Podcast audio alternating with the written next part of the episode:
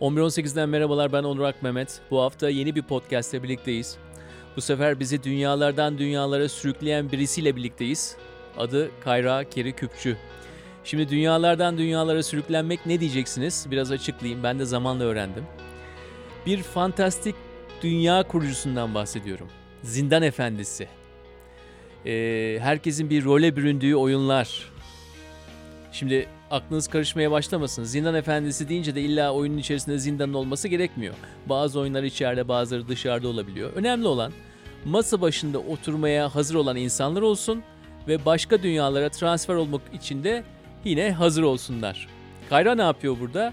Yarattığı imgelerle masanın başında oturan insanların hayal gücünü tetikliyor. Onlara anahtar kelimeler veriyor. Onlara karakterin geçmişini anlatıyor. Bir oyun kurucu gibi adeta davranıyor. İnsanlar da kendi kendilerini keşfetmeleri için bir imkan yakalamış oluyorlar.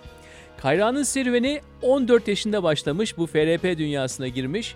2004 yılında da FRP Net'i kurmasıyla da devam etmiş. frpnet.net şu anda halen Fantastik Yaşam Portalı alt başlığıyla yayınına devam ediyor.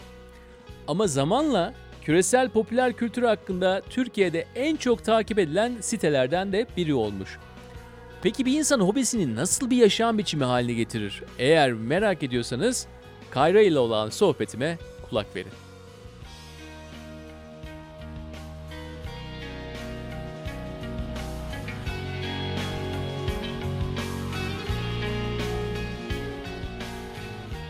Ya şeyden başlayacağım. Basit bir soru bu. Hı hı. Geek nedir sorusu. evet. Üzerinde de Geek diye bir tişört var. Evet ya. Altında da 20 tane kare var. Hepsi işte cosplay TV diye ayrılmış. Aynen. Geek nedir desem? E, Geek nedir? Geek insanın yakışın kendine yakışanı giymesidir abi. Yani İnsanın kendine yakışanı giymesidir. insanın kendine yakışanı yakıştığı gibi davranmasıdır. Ya aslında geek nedir'in e, çok makalesel açıklamaları var. Yani biz işte FRP.net sitesini ben kurdum yıllar önce. Orada çok yazdık, çizdik bunu yani makalelerce yazdık. Geek biraz şöyle. Aslında çok Amerikan bir tabir bu geek tabiri. Genel olarak toplumun çoğunluğunun ilgilenmediği şeylerle ilgilenen kişilere verilen bir isim. Mesela işte gördüğün tişörtte Computer Geek de yazıyor mesela. Computer Geek yani baktığın zaman hepimiz bilgisayar başında günlerimizi geçiriyoruz, saatlerimizi geçiriyoruz ama Computer Geek hani biraz daha şeydir. Ya arka planda bilmem ne kodu yazarsam bilmem neyi çalıştırırım. Ya da işte e, hani bilgisayarın bozulduğu zaman birini ararsın ya. Ya abi benim bilgisayar bozuldu. Bunu ne yapmak lazım? O sorduğun kişi mesela Computer Geek'tir. Çünkü bilgisayarın donanımını, yazılımını, ne yapman gerektiğini bilen, bununla özel ilgilenen kişidir. Ya da atıyorum Comic Book Geek dediğimiz çizgi roman geek'i. Yani çizgi roman okuyabilirsin. Mesela Spider-Man atıyorum okuyorsun. Batman okuyorsun. Batman'i okuyorsun ama atıyorum orada Two-Face karakterinin nasıl öyle olduğunu bilmek ya da atıyorum Batman'in işte gerçek kimliğinin Bruce Wayne olduğunu, babasının Wayne Enterprise'ı kurduğunu, bilmem nesini, bunların yıllarını bilmek, biraz daha işin içine girmek, hani toplumun e, çok ilgilenmediği şeyleri senin çok e, içindeymişçesine bilmek, bu biraz geek kültürü yani. Geek biraz daha alt kültüre hitap eden, işte ne bileyim çizgi roman olsun, fantastik olsun, bilim kurgu olsun, daha çok hani nasıl söyleyeyim, bir kahvehaneye gittiğiniz zaman oradaki insanlarla kolay kolay konuşamayacağınız şeyler, konular biraz daha geek kültürünün içerisinde oluyor diyebilirim açıkçası. Peki yani sen ilk ne zaman kendine ben geek'im dedin? Ben 1997'de Fantasy Role Playing, FRP ile tanıştım. Ee, ve aynı dönemde de fantastik kurguyla tanıştım. Yüzüklerin Efendisi ve Hobbit'le başlayarak. Öyle olunca bir araştırma başladı bende. İlk 97 yazıydı. Hobbit ve Yüzüklerin Efendisi'nin orijinal baskıları, İngilizce baskılarını bir arkadaşım bana verdi. Dedi ki oku bunları. Abi dedim ben kitap okuyan bir adam değilim ben okumam yani. Bir de yaz tatilindeyim kitap mı okutacaksın bana dedim. Abi oku bak dedi. Bir de bak FRP diye bir oyun var dedi. O ne dedim? Ya sen seversin hani böyle çizgi film çizgi roman okuyan adamsın. Senin hoşuna gider aslında. Öğreteyim onu da göstereyim bir akşam oynarız dedi. Ama bir yandan da bunları oku dedi. 1997 yazı Akçay'dayız. Şunu yaşadım yani yaz tatilindeyim. 3 ay bir tatilim var.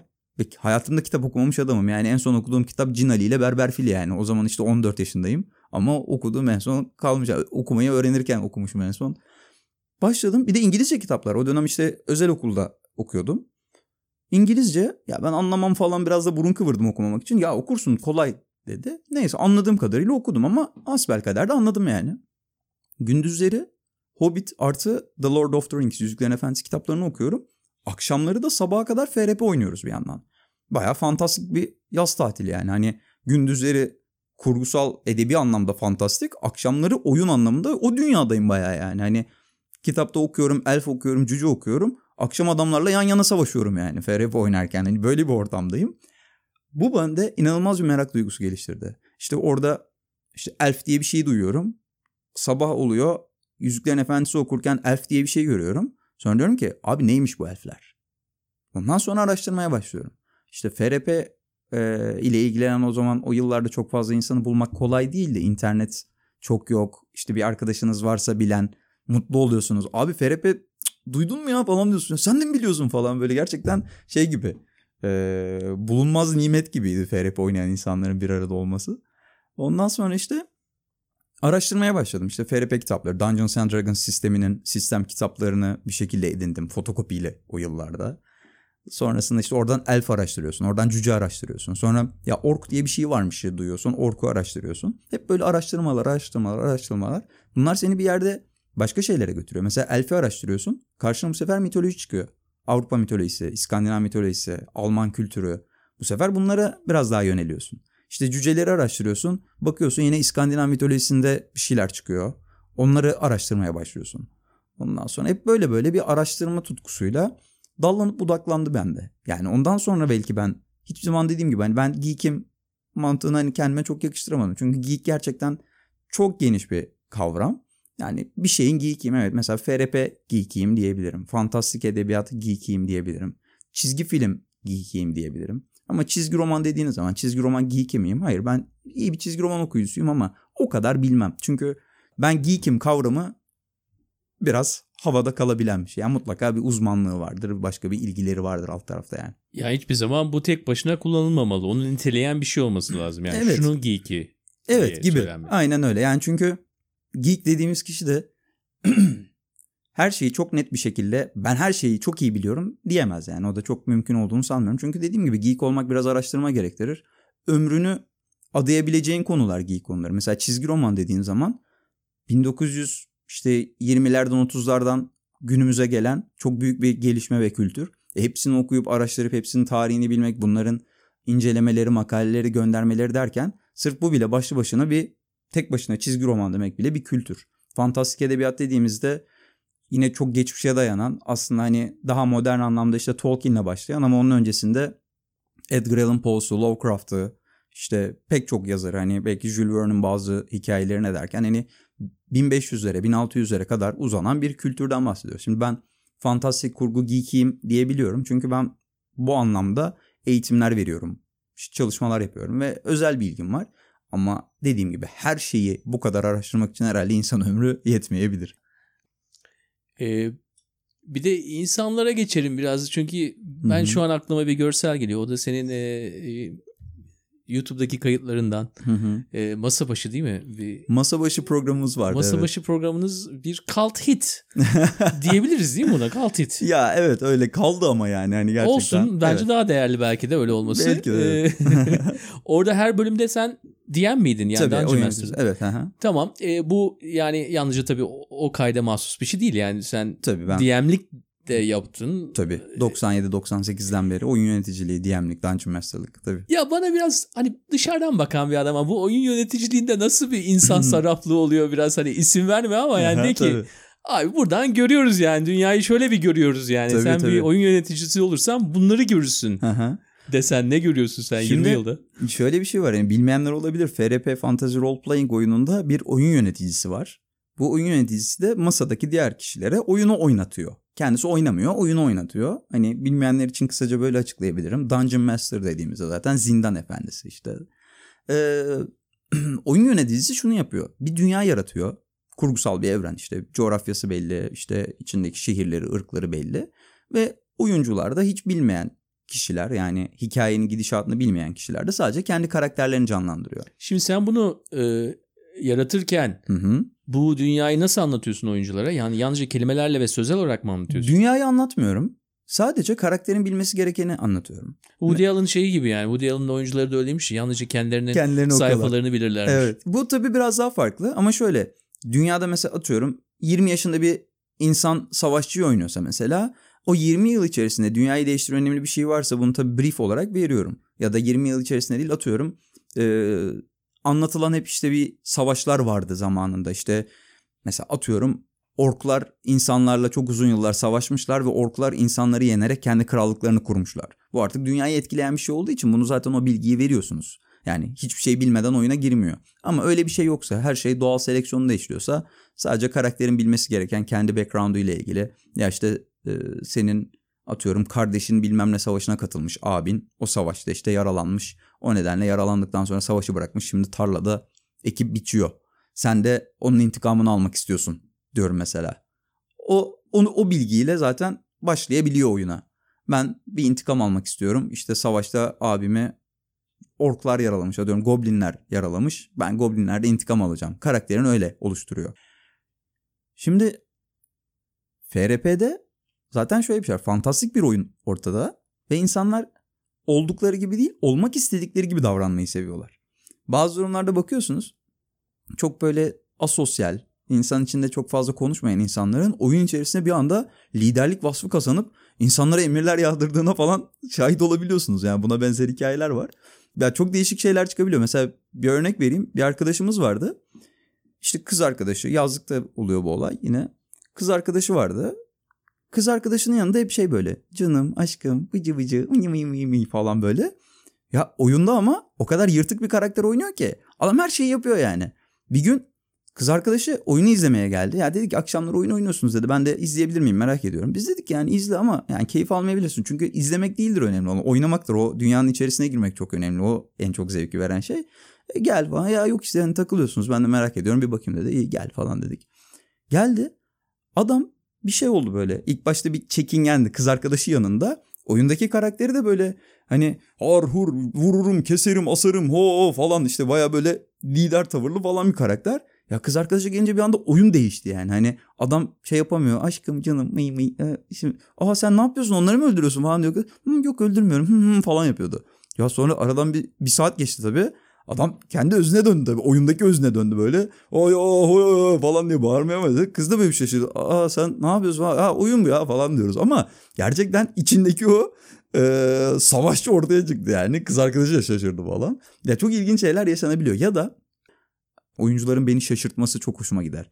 Ben mesela bir kafamda bir diyalog planlamışımdır. İşte muhtemelen oyuncu böyle söyler. Ona böyle bir şey yaparım. Onu böyle bir şey yapmaya zorlarım falan diyorum. Ama oyuncu öyle bir cevap veriyor ki Aa vay abi ben hiç böyle düşünmemiştim yaşıyorsun. Ve o anda cevap veremiyorsun yani. Hani ve o oyun çok daha renkleniyor açıkçası. Gerçekten yaşayan bir dünyaya dönüşüyor. Sadece senin kurguladığın bir şey değil. Onların da e, hükmettiği ve onların da olayın seyrini değiştirdiği bir dünyaya dönüşüyor. O zaman çok daha keyifli oluyor her şey.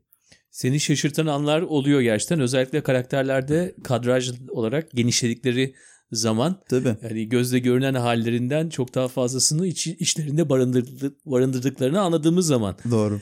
Ya bu da seni bir hikaye anlatıcısı olarak çünkü sen bir hikaye anlatıcısısın. Evet. Ve e, burada da bir değer var ve hikaye anlatıcısı dediğimiz zaman biz bunu birçok janraya, birçok alana taşıyabiliriz. Hı hı. E, ama buradaki hikaye anlatıcılığının genele nasıl bir yararı oluyor sence? Yani sen bir hikaye anlatıcısı olarak buradan ne kazandın? Şimdi aslında şöyle bir şey var. Eskiden bu meddahlıkmış mesela hikaye anlatıcılığı. Günümüzdeki modern meddahlık belki de oyun yöneticiliği. Böyle bir yapı ortaya çıkabiliyor ve oyun yöneticileri gerçekten insanlara şimdi hikaye anlatıcılarının görevi nedir? İnsanların kafasına farklı bir hikaye sunup onların e, o hikayeyi yaşamasını sağlamaktır değil mi? Oyun yöneticisi olarak zaten bunu yapmaya çalışıyoruz. Bir hikaye koyuyoruz ortaya ve oyuncuların veya dinleyicilerin orada bulunanların bu hikayeyi yaşamasını istiyoruz. Ve bunu işte meddahlıktan farkı meddahlık bunu sadece hikaye anlatarak yaparken oyun yöneticisi onların da bu dünyanın içerisinde kendi hareketleriyle ve konuşmalarıyla, diyaloglarıyla yaşamasını sağlamak. Şimdi oyun yöneticisi olarak tabii ki e, hikaye anlatıcılığı. Zaten mesela şöyle bir şey vardır. Vampire the Masquerade diye bir vampir oyun sistemi vardır mesela.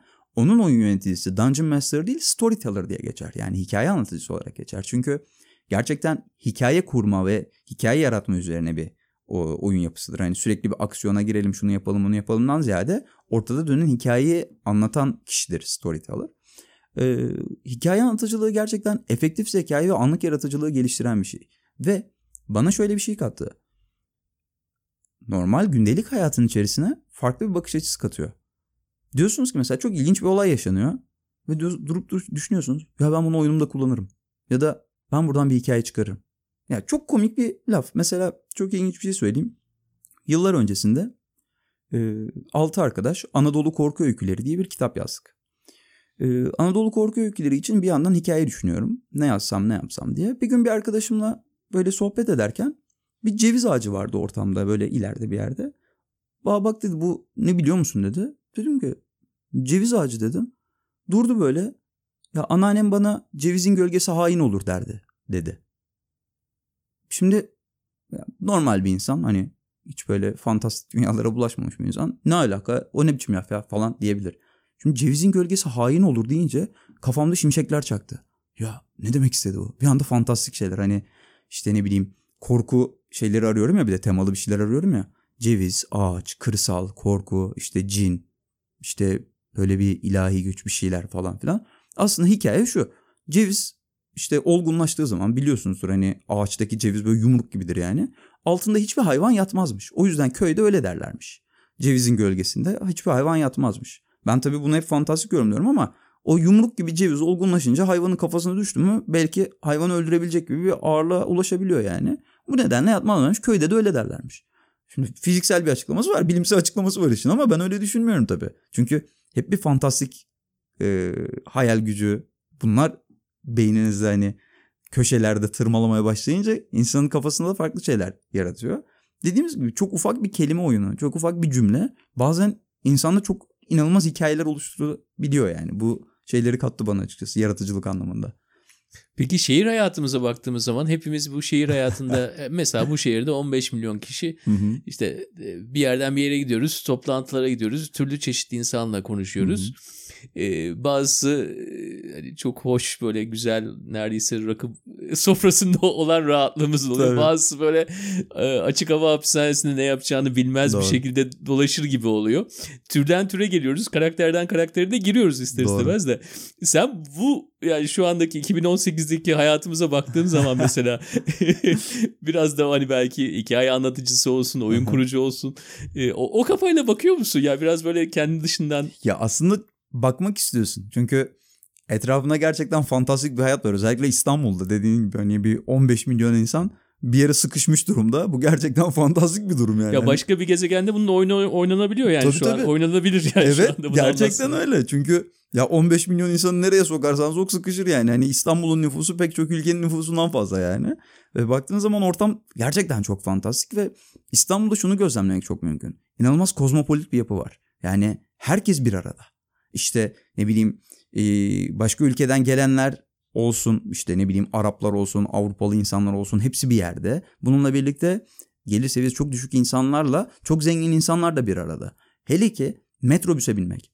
Ya bunun kadar fantastik bir şey düşünemiyorum ben ya. Yani oradaki kapıdan girerken ki o savaş anı. Yani bir şey gibi kale kapıları açılmış hücum girin Allah Allah Allah gibi böyle bir şey var orada. Yani ya yemin ediyorum şunu yaşadım. 1.30 boyunda ortalama 70 yaşında bir kadından bir dirsek giyip nefessiz kaldığımı biliyorum. Böyle, dedim nefesim kesildi yani. Teyze ne yaptın falan diyor böyle. Ne o metrobüse binecek. Teyzeciğim ben sana yer veririm zaten oturmaya niyetim yok da. Hani o dirsek nereden çıktı yani hani.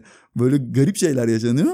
Ama bununla birlikte şöyle bir şey var. O hengame içerisinde çok fazla şey yaratamıyorsunuz. Çünkü hayatta kalma içgüdüleri sizi bastırıyor orada. Yani yaratıcılık gerçekten rahat bir ortamda olur. Yani dediğim gibi otururken kafanızda bir şey dank eder. Aa ben bunu yazayım, bir not alayım. Ben bunu bir yerde kullanırım oluyor ama İstanbul'da sokağa çıktığınız, kapıdan çıktığınız her anda bir survival mücadelesi var böyle. Gerçekten hayatta kalmaya çalışıyorsunuz. İşte e, ölmeden işte Taksim'e nasıl giderim? Buradan ölmeden Kadıköy'e nasıl geçerim falan gibi. Hani bunları planlamakla meşgul olduğunuzdan çok fazla yaratıcılığa mahal vermiyor. Ama bununla birlikte yani zamanında e, çok yakın arkadaşım Özgür Özol e, Lale Savaşçıları İstanbul Efsaneleri diye bir oyun yapmıştı mesela bilgisayar oyunu.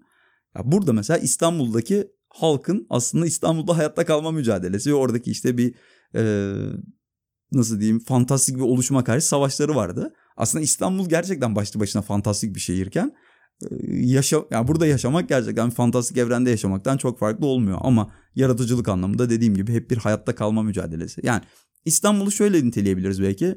Post apokaliptik bir evrende hayatta kalma savaşı olarak niteleyebiliriz. İşte bir Fallout olsun ya da Mad Max gibi bir dünyada hani İstanbul'da sokağa çıktım ve hayatta kalmaya çalışıyorum. Bu da aslında fantastik bir oluşum başlı başına. Ya güzel bir noktaya dem vurdun. Yani diyorsun ki e, yaratıcılığı illa da pompalamıyor. Çünkü yaşamak zaten yaratıcı olmayı gerektiriyor evet, burada. Evet evet bir kesinlikle. doğaçlama ustası olman gerekiyor gün içerisinde. Tabii tabii. Ee, ben de şöyle bir şey uyandı. Ee, biraz e, nedense 97 dedik ya demek ki o Akçay'da senin Edremit Akçay'daki o yazın sabahları teoriyle geçen, evet. akşamları pratikle geçen e, yazın bir şey olmuş. Bir e, ne taşı derler ona? Mihenk, Mihenk taşı, taşı mı olmuş? Evet. E, ve baktığım zaman da e, 14 yıl tabii ondan önce var. Tabii. Ondan sonraki 20 yıl var. Hı Tamam. hı. Şimdi bir insanın hayatı bu. 35 senelik hayatı. Evet. Şimdi ikisini yan yana iki oyun olarak koysak Evet. diyelim. Ama bunların içerisinde şöyle bir şey sormak istiyorum. Önceki hayatla yani o biraz son zamanlarda işte 80'ler 90'lar nostaljisi çok popüler biliyorsun. Evet evet. Ee, oradaki oyunda ne vardı? Yani senin gözleminde ne vardı? Ee, şimdiki oynanan oyunda ne var? Evet. Biraz dışarıdan bakarak bunu gözlemlesen mesela onu oyunlaştırsan ne görürsün? Açıkçası şunu söyleyeyim. Ee, önceki oyunda 97 öncesinde mesela 14 yıllık hayatta hani 14 yıl tabii ki bebeklik falan filan geçtim ama yani o dönemde şöyle bir şey var. Aslında yine oyunlarla doluydu. Ben e, annem işte bankacıydı daha sonra işte sigortacılık yaptı falan filan. bir dönem 386 SX işlemcili bir bilgisayarım vardı. Siyah beyaz ekranlı. O dönem bilgisayarlar çok fazla yoktu evlerde. Bahsettiğim yıl işte 89, 90, 91 falan gibi yıllar. yani bir Spectrum diye bir bilgisayarım vardı. Orada işte ufak tefek oyunlar vardı. Daha sonra PC gelince eve ben biraz böyle işle haşır neşir olmaya başladım. Yani hani bunlarda bir şeyler yapılabiliyormuş. Ne yapılabiliyormuş? Aa program varmış bir şeyler yazılabiliyormuş. Aa oyun varmış oyun oynanabiliyormuş. Baktığınızda benim çocukluğum da yani o ilk 14 yılda hep oyunlarla işte ekranlarla hep böyle bir şeyler yapmakla geçti. Hep yani şey değilim olanı yapmaktan ziyade bir şeyler olmasını sağlamaya çalıştım. Mesela bir çizim programı buluyordum. İşte o zaman DOS diye bir işte sistem vardı yani eski PC'ler Windows'tan önce. DOS'ta bir çizim programı buluyordum. Onu açıyordum. Bir şeyler çizmeye çalışıyordum. Yani çizer anlamında çizmek değil. Yani şunu şuraya koysam bunu buraya koysam kendimce tasarımlar yapıyordum. Çünkü o dönem işte o yaşlarda yaratabileceğim en fazla şey oydu. Daha ya sonra- zaten iki çizgiyi alt alta üst üste yapabilmek bile büyük bir başarı Tabii, hissi tabii. yaratıyordu sende. Onu Öyle. yazabilmek, onun kodunu yazabilmek. Gerçekten öyleydi. Ben işte e, o dönemdeki bilgisayar dergilerinden ufak tefek kodlama da öğrenmiştim. O zamanlar işte QBasic'ler falan vardı değişik. Oralarda bir şeyler yazıyordum. İşte aa müzik çalıyor falan diyordum. Kendi kendime mutlu oluyordum. Hep bunları yaparak geçti. E, o döneme baktığım zaman daha özgür, biraz daha sorumsuz bir hayat görüyorum. Yani sorumsuz derken sorumluluk sahibi olmamak anlamında sorumsuz. Yoksa sorumsuzluk anlamında değil. E sonra ne oldu? Gerçekten işte bu 97'deki o yazın yaşanan kırılmadan sonra oyun daha çok hayatımın içine girdi. Çünkü gerçekten keyif aldığım bir şeyleri oyun olarak e, ortaya koyabildiğimi fark ettim. Hem oynayabiliyordum hem oynatabiliyordum. Ve böyle bir şeyi arkadaşlarımla sosyal ortamda yaşayabiliyordum. Tamam bir topa ihtiyacımız yoktu. Belki o zaman işte zara, kağıt kaleme ihtiyacımız ortaya çıktı ama bunu da bir kere temin ettikten sonra ömür boyu oynayabileceğiniz bir oyun ortaya çıktı. Ve aynı masada yüz binlerce farklı oyun oynayabiliyordunuz mesela. Aynı kişilerle çok farklı oyunlar oynuyor. Top oynadığınız zaman nedir? Topu kaleye atmaya çalışmak. Tamam bu da her seferinde farklı şekillerde gelişir ama masada bir gün uzaya çıkarken ertesi gün bir ejderhayı öldürmeye çalışabiliyorduk. Veya ertesi gün işte ne bileyim e, tarihsel bir m, olayın içerisinde kendimizi bulabiliyorduk gibi. Hani farklı farklı e, maceralara atılabiliyorduk. O yüzden FRP'yi keşfetmemle oyunlara bakış açım ve bununla birlikte en başta da konuştuğumuz şekilde yaratıcılığım da farklı yönlerde gelişmeye başladı. O açıdan benim için e, daha farklı oldu ama tabii ne oldu? Sorumluluk geldi. İşte yayıncılık yaptım, editörlük yaptım. Bir sürü şey yaptım. İşte çizgi romanlar, bilim kurgu kitapları, fantastik kurgu kitapları yayınladım bir sürü. O dönemde işte aktif olarak bunları yaptım. Tabii o an bir yandan oyun oynamaya devam ettim. Sonra bir oyun firmasında işe girdim. Orada işte lokalizasyon ve e, kalite müdürü olarak çalıştım. Sonrasında işte teknoloji olayına el attık. Yandex'te 4 sene çalıştım. Orada lokalizasyon müdürü olarak çalıştım. Türkçeleştirdin her şeyi. Biz Tabii, de bu tabii. arada şirket olarak Yandex kullanıyoruz. Öyle mi? Türkçede, Süper. Türkçesinde senin de emeğin var. Var var çok var. Yani o işte özellikle Yandex navigasyon e, pek çok kişinin cep telefonunda mobil cihazlarında yüklüdür. Hani onun Türkçeleştirmesinin projesinde yine e, projesinin başındaydım burada Türkiye'de. E, bayağı uğraştık. Hani o teknoloji kısmı var. Sonra tekrar yine bir oyun, yayıncılık kısmı falan. Pek çok böyle oyun, yayıncılık, teknoloji ama hep genelde fantastik çerçevede dönen bir şey oldu böyle. Hayatım oldu. Aslında hobilerimi biraz meslek haline dönüştürebilmeyi başarmış biriyim ben. 2004 yılında FRP.net sitesini kurdum. FRP.net sitesi bir fantastik yaşam portalı. İlk kurulma amacı da şuydu. Ya biz FRP diye bir şey biliyoruz ama çok fazla adam değiliz. Hani bari bildiklerimizi anlatalım da şu kültür biraz gelişsin mantığıyla FRP.net'i ortaya çıkardık. Daha sonrasında bu baktık ki büyüyor. Artık işte fantastik haberler, fantastik sinema, dizi, işte oyun incelemeleri falan filan derken artık büyük bir portal haline geldi. Şimdi baktığım zaman hobilerimi yaşatmayı seviyorum. Ben hep şunu savunan bir insanım. Her insanın bir hobisi olmalı. Gerçekten buna e, böyle dört elle sarılan ve buna inanan bir insanım. Çünkü hobisi olmayan insan bir yerden sonra işte ya hobin ne? Abi hobi yok ya. Sabah işe gidiyoruz, akşam eve geliyoruz. Akşam da televizyon zaten yatıp uyuyorum. Tamam abi okey. Bu hayatın değişti. Emekli oldun. Ne yapacaksın? Ee, ne yapacağım? İşte kahveye giderim. Gitme abi kahveye. Otur maket yap. Otur puzzle yap. İşte bilgisayar oyna. Kod yaz ne bileyim ha. Hobi olarak yap bunu. Para kazanmak için yapma. Ama zevkin için yap yani. Ben şunu söylüyorum ya hobisi olmayan insanlar bir yerden sonra gerçekten e, hayata tutunacak bir şey bulamıyorlar. Ben mesela şunu bekliyorum. Game of Thrones'un son sezonu. Bekliyorum arkadaş. Ölmeyeceğim yani onu görmeden yani. Ben bunu bekliyorum. Benim hayata tutunan şeylerden tutan şeylerden bir tanesi bu. Ya da yeni bir oyun duyuruldu. Abi ben bunu oynamadan ölmeyeceğim. Mesela en basitinden bir örnek vereyim. 2010 yılında askere gideceğim. O zaman evliyim de.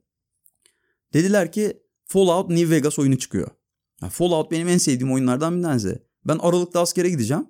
E ne zaman çıkıyor oyun? Kasım sonunda çıkıyor. Abi ben bu oyunu bitirmeden askere gitmeyeceğim dedim kendi kendime. E ne yapacaksın?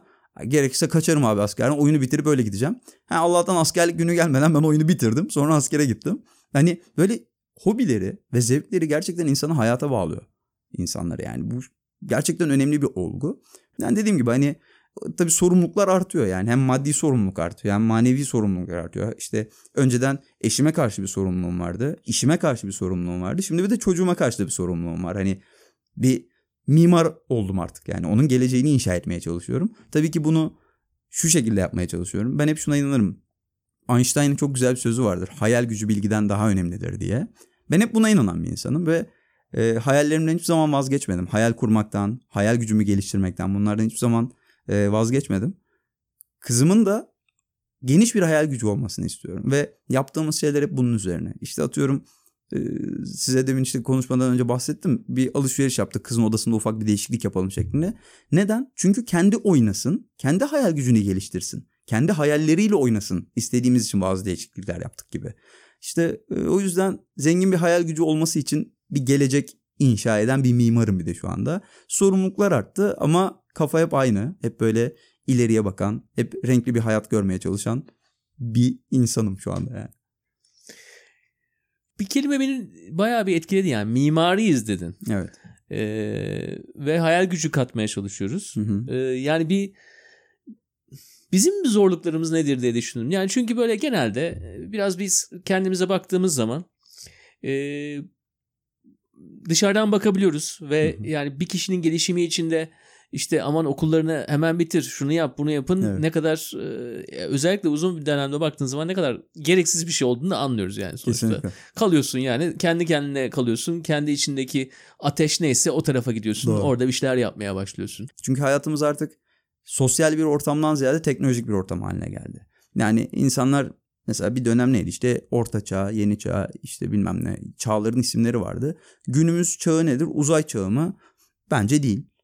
Günümüz çağı mesela sibernetik çağı olarak ben adlandırabiliyorum ya da iletişim çağı olarak adlandırabiliyorum. Çünkü gerçekten bilgisayar karşısında oturarak kimin ne olduğunu bilmeden herkesle iletişim kurabildiğimiz bir dönemdeyiz. Eskiden neydi? Televizyonda gördüğümüz ünlüler olsun işte ikonlar olsun. Bunlara şimdi Facebook'tan ekleyip abi ne haber ya ne yapıyorsun yazabiliyorsun. Bakıyorsun cevap da geliyor. Aa adama bak lan cevap attı. Şimdi eskiden onlar hani Zeki Müren de bizi görecek mi mevzusu vardı ya. Çünkü o Zeki Müren'di. O gerçekten Zeki Müren'di yani. yani o bir idoldü yani. Ona ulaşamazdın ki sen. Şimdi öyle bir şey değil ki. Şimdi Facebook'a Zeki Müren yaz. Arkadaş ekle de mesaj at. Abi ne haber yaz. İyidir senden ne haber yazsın. Hani gerçekten böyle bir iletişim çağına dönüştü. Artık ulaşılmaz diye bir şey kalmadı. Bu da neye götürebilir bizi? Doyumsuzluğa götürebilir. E abi ben istediğim her şeyi yapıyorum. Yani ulaşmak istersem ulaşıyorum. Bir şey yapmak istiyorsam yapıyorum. Ya da en kötü App Store'a giriyorum satın alıyorum falan. Hani artık biraz daha buna döndü. Oturduğumuz yerden dünyayı yönetir bir hale gelecek konumdayız şu anda. Şöyle bir şey düşünsenize. Ailenizin çok baskıcı olduğunu, kendilerinin en iyi bildiğini düşündüğünü ve onların size dayattığı şeyleri düşünsenize. Bu ne kadar korkunç bir şey. Ne kadar korkunç bir gelecek. Çünkü karşınızda bir çocuk geliştirirken farklı bir birey var. Onun da hayalleri var. O nedenle işte onun da gittiği yöne doğru basamaklar koyarak onun gitmesini sağlamak aslında. Benim yapmak istediğim şey o biraz da. Onun hayal gücünü geliştirerek bir sonraki adımını düşünmesi ve düşündüğü şeyi uygulamada zorlanıyorsa benim ona yardım etmem. Yoksa benim ona bir gelecek çizmem zaten mümkün değil. İşte benim babam siyasi kitaplar, tarih kitapları doluydu. Oturup okumadım yıllarca. E ne oldu sonra? 30 yaşıma geldim. Okudum. Başka yani bunları da okudum. Okuyorum da. Ya babam beni o dönemlerde yönlendirmeye çalıştığında ters tepmişti. Çünkü hepimiz bir bireyiz. Hepimiz demin de bahsettiğin gibi işte ne okursak okuyalım ne yaparsak yapalım o içimizdeki ateşi takip ediyoruz dediniz ya. Gerçekten biz ne yaparsak yapalım o yine e, istediğini yapacak. Çok teşekkür ederiz burada olduğun için. Sağ Taksim'de bizimle oldun. Ben teşekkür ederim. Çok keyifliydi gerçekten. Ee, size de başarılar dilerim yayınlarınızda.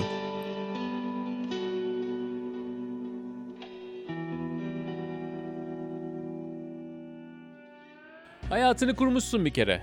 Gözlerini kapattığında orklar bir yana, elfler öteki yana doğru uçuşuyor. Gökyüzünü ejderhaların nefesi aydınlatıyor. İyi güzel. Ama üç boyutlu paralel dünyada iş güç var, evlilik var, çocuk var. Kayra bu dünyaları dengelemiş. Birbirine eklemlemenin bir yolunu bulmuş. Aynı kurguyla gerçeğin birbirini tamamlaması, pekiştirmesi ve geliştirmesi gibi. Kayra gibi Fantastik ve Bilim Kurgu Sanatları Derneği'nin üyesi olan başka konuklarımız da oldu geçen sene boyunca 2017'de. Eğer bu işlerle ilgiliyseniz Devrim Kunter, Erbu Kaya ve Gerisi Hikaye podcast ekibiyle yaptığımız sohbetleri de arşivimizden bulup dinleyebilirsiniz. Geçen sene ağırladığımız ve hayali geniş olan bu arkadaşlara da selam olsun diyorum. Gelecek hafta yeni bir konu ve konuk ile buluşmak üzere.